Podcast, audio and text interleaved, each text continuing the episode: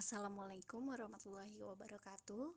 Kami dari kelompok 5 kelas G 2017 mata kuliah Bimbingan dan Konseling Prodi Pendidikan Guru Sekolah Dasar Fakultas Ilmu Pendidikan Universitas Negeri Jakarta. Kelompok ini terdiri dari saya sendiri, Ajeng Reza, Saya Aulia Karimah Merdekawati. Saya Hairunisa. Saya Muhammad Lutfi Rahman. Dalam podcast kali ini kami akan menjelaskan tentang best practice bimbingan dan konseling di sekolah dasar. Pertama, saya akan membahas mengenai kedudukan dan permasalahan bimbingan di sekolah dasar. Kedudukan bimbingan di sekolah dasar secara formal telah digariskan di dalam Undang-Undang Nomor 2 Tahun 1989 tentang Sistem Pendidikan Nasional. Selain itu, ada juga peraturan pemerintah yaitu Peraturan Pemerintah Nomor 28 Tahun 1989 yang secara khusus menjelaskan perihal bimbingan di sekolah dasar. Dalam pasal 25 peraturan pemerintah tersebut diterangkan bahwa yang pertama, Bimbingan merupakan bantuan yang diberikan kepada siswa dalam rangka upaya menemukan pribadi, mengenal lingkungan, dan merencanakan masa depan. Yang kedua, bimbingan diberikan oleh guru pembimbing. Dalam sistem pendidikan, wajib belajar 9 tahun, sekolah dasar mempunyai kewajiban untuk menyiapkan lulusannya untuk memasuki jenjang pendidikan yang lebih tinggi, yaitu SMP atau sekolah menengah pertama. Sehingga tanggung jawab sekolah dasar itu bukan hanya menamatkan dan meluluskan siswa, akan tetapi menyiapkan kognitif, kepribadian, dan perilaku siswa agar siap menghadapi dunia barunya, yakni sekolah menengah. Ada dua hal yang berdampak pada perlunya bimbingan untuk siswa di sekolah dasar. Pertama, adanya masalah-masalah perkembangan yang mencakup aspek perkembangan fisik, kognitif, pribadi, dan sosial. Kedua, rentang keragaman individual siswa yang sangat besar. Dari permasalahan yang kedua, muncul populasi khusus yang menjadi target layanan bimbingan. Di antaranya, yang pertama, siswa dengan kecerdasan dan kemampuan tinggi. Yang kedua, siswa yang mengalami kesulitan belajar. Dan yang terakhir, siswa dengan perilaku bermasalah. Selanjutnya, saya akan membahas tentang perencanaan bimbingan dan konseling di sekolah dasar. Arti penting perencanaan program bimbingan dilihat dari segi kedudukan bimbingan sebagai bagian terpadu dari upaya pendidikan, serta fungsi dan kegunaan perencanaan bagi keberhasilan program bimbingan, ada beberapa alasan yang mendasari perlunya perencanaan program bimbingan. Yang pertama, program bimbingan harus selaras dengan program sekolah secara keseluruhan, agar dapat menunjang program pendidikan sekolah dasar secara keseluruhan, dan bukan sebaliknya. Program bimbingan perlu disusun dan dikembangkan dengan mempertimbangkan program pendidikan, kondisi, dan kebutuhan sekolah secara keseluruhan. Dua, perencanaan dapat memfasilitasi pelaksanaan program bimbingan di sekolah Rencana program bimbingan yang disusun secara matang akan memberarahkan, mengarahkan dan petunjuk yang jelas tentang sasaran-sasaran yang perlu dicapai, serta kegiatan-kegiatan yang perlu dilakukan.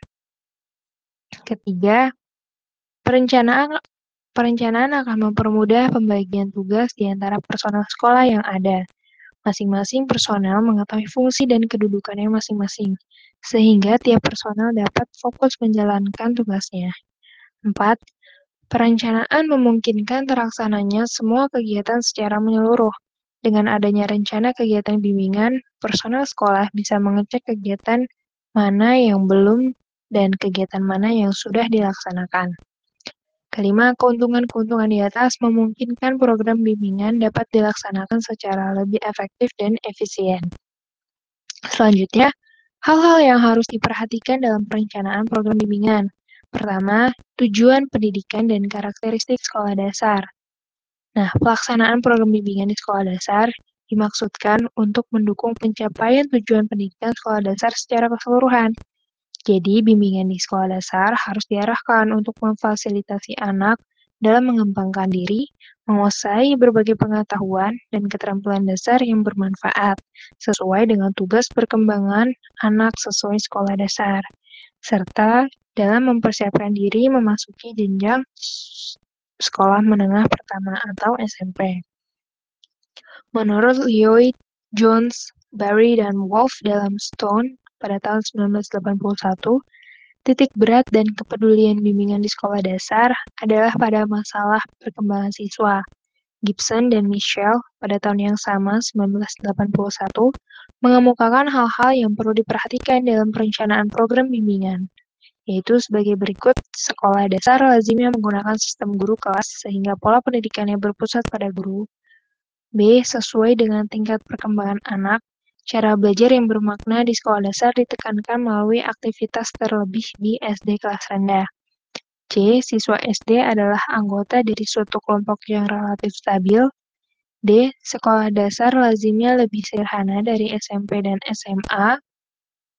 E. Minat dan keterlibatan orang tua umumnya lebih besar pada siswa SD pada kelas-kelas awal. Kemudian yang kedua, yang harus diperhatikan kebutuh tentang kebutuhan dan karakteristik siswa sekolah dasar. Jadi agar program bimbingan yang dikembangkan benar-benar bermanfaat, maka kita harus memahami karakteristik dan kebutuhan siswa sekolah dasar. Hal lainnya yang perlu diperhatikan adalah tugas perkembangan anak SD yang berdampak pada program pendidikan. Nah, tugas perkembangan anak sekolah dasar yaitu menurut Gibson dan Michelle, A. Mengalami pertumbuhan dan perkembangan yang berkesinambungan. B. Secara konstan mengintegrasikan pengalaman-pengalaman C. Memiliki kemampuan untuk memvisualisasikan sesuatu secara relatif terbatas. D. Memiliki daya nalar yang belum sepenuhnya berkembang. E. Memiliki daya konsentrasi yang masih terbatas pada jangka pendek. F. Mudah memiliki sikap dan minat terhadap sesuatu. Serta mempertunjukkan perasaan yang relatif terbuka. Selanjutnya, saya akan membahas tentang ciri-ciri program bimbingan yang baik di sekolah dasar. Ciri-ciri program bimbingan yang baik di sekolah dasar adalah sebagai berikut. Yang pertama adalah program disusun dan dikembangkan berdasarkan kebutuhan nyata dari para siswa sekolah yang bersangkutan. Dua, kegiatan bimbingan diatur menurut skala prioritas yang juga ditentukan berdasarkan kebutuhan siswa dan kemampuan petugas. Tiga, program dikembangkan berangsur-angsur dengan melibatkan semua tenaga pendidikan di sekolah dan merencanakannya. 4. Program memiliki tujuan yang ideal tapi realistik dalam pelaksanaannya. 5. Program mencerminkan komunikasi yang berkesinambungan di antara semua staf pelaksanaannya. 6. Menyediakan fasilitas yang diperlukan. 7. Penyusunan disesuaikan dengan program pendidikan di lingkungan sekolah yang bersangkutan. 8 memberikan kemungkinan pelayanan kepada semua siswa sekolah yang bersangkutan. 9. Memperlihatkan peranan yang penting dalam menghubungkan dan memadukan sekolah dengan masyarakat. 10. Berlangsung sejalan dengan proses penilaian diri, baik mengenai program maupun kemajuan dari siswa yang dibimbing, serta kemajuan pengetahuan keterampilan dan sikap para petugas pelaksanaannya. Lalu ada model perencanaan program bimbingan di sekolah dasar. Yang pertama itu ada karakteristik model. Berikut ini dikemukakan suatu model pengembangan program bimbingan di sekolah dasar yang disebut sebagai model komprehensif. Komprehensif adalah suatu model pengembangan program yang difokuskan pada penciptaan lingkungan yang kondusif bagi siswa untuk dapat mengembangkan kebutuhan, kekuatan, minat, dan isu-isu yang berkaitan dengan berbagai tahap perkembangan siswa. Ciri-ciri dari program bimbingan komprehensif adalah yang pertama, direncanakan didasarkan pada prioritas. Kedua, memberikan bimbingan preventif di samping mengkonselingi siswa yang mengalami krisis. Ketiga, strategi utama bimbingan dan konseling adalah strategi kelompok kecil. Keempat, memberikan pelayanan yang konsisten kepada semua siswa. Kelima, menekankan pada program pengembangan kurikulum dan berorientasi pada pencapaian tujuan siswa. Hmm, yang keenam, program didesain, dievaluasi, dan ditingkatkan atas dasar hasil evaluasi. Dan yang terakhir, subjek program bimbingan konseling adalah konselor dan seluruh staf sekolah. Yang kedua, untuk struktur programnya mencakup empat komponen, yaitu layanan dasar, layanan responsif, layanan perencanaan individual, dan layanan dukungan sistem. Keempat layanan ini diberikan kepada seluruh siswa, dan materi program disesuaikan dengan kebutuhan dan karakteristik perkembangan siswa. Yang ketiga, distribusi program. Untuk siswa sekolah dasar, distribusi keempat aspek layanan adalah sebagai berikut. Yang pertama, layanan dasar sekitar 50%. Yang kedua, layanan responsif sekitar 25%. Dan yang ketiga, layanan perencanaan individual sekitar 25%. Yang keempat, rumusan tujuan program. Ada beberapa tujuan program yang dirumuskan. Yang pertama adalah pembuatan keputusan yang efektif. Yang kedua, sistem dukungan. Yang ketiga, lingkungan belajar. Yang keempat, menjadi pelajar sepanjang hayat. 5. Integrasi masyarakat yang beragam. 6. Tanggung jawab kemasyarakatan. Dan yang terakhir, visi pribadi. Lalu yang kelima ada komponen program. Yang pertama tadi ada layanan dasar. Layanan dasar ini sasarannya adalah membantu seluruh siswa mengembangkan berbagai keterampilan dasar hidup. Hal ini merupakan landasan dari program bimbingan developmental. Yang kedua, ada layanan responsif. Sasarannya adalah untuk memberi bantuan segera kepada siswa yang memiliki kesulitan tertentu. Yang ketiga, layanan perencanaan individual. Arah layanan ini adalah membantu semua siswa dalam merencanakan, memonitor, dan mengelola pendidikan, karir, dan peningkatan dirinya. Yang keempat, dukungan sistem. Dukungan sistem merupakan komponen pelayanan yang berkaitan dengan aktivitas pengelolaan yang secara tidak langsung menguntungkan siswa. Dukungan sistem adalah komponen pelayanan dan kegiatan manajemen, tata kerja, infrastruktur, dan pengembangan kemampuan profesional konselor atau guru pembimbing secara berkelanjutan yang secara tidak langsung memberikan bantuan kepada peserta didik atau memfasilitasi kelancaran perkembangan peserta didik.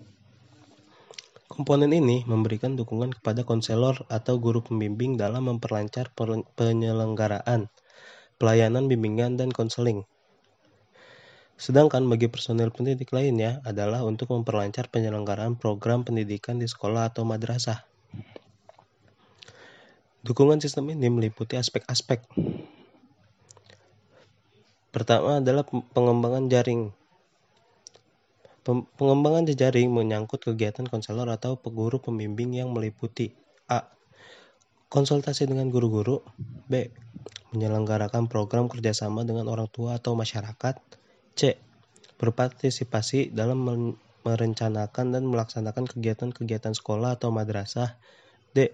Bekerja sama dengan personel sekolah atau madrasah lainnya dalam rangka menciptakan lingkungan sekolah yang kondusif bagi pengembangan konseling.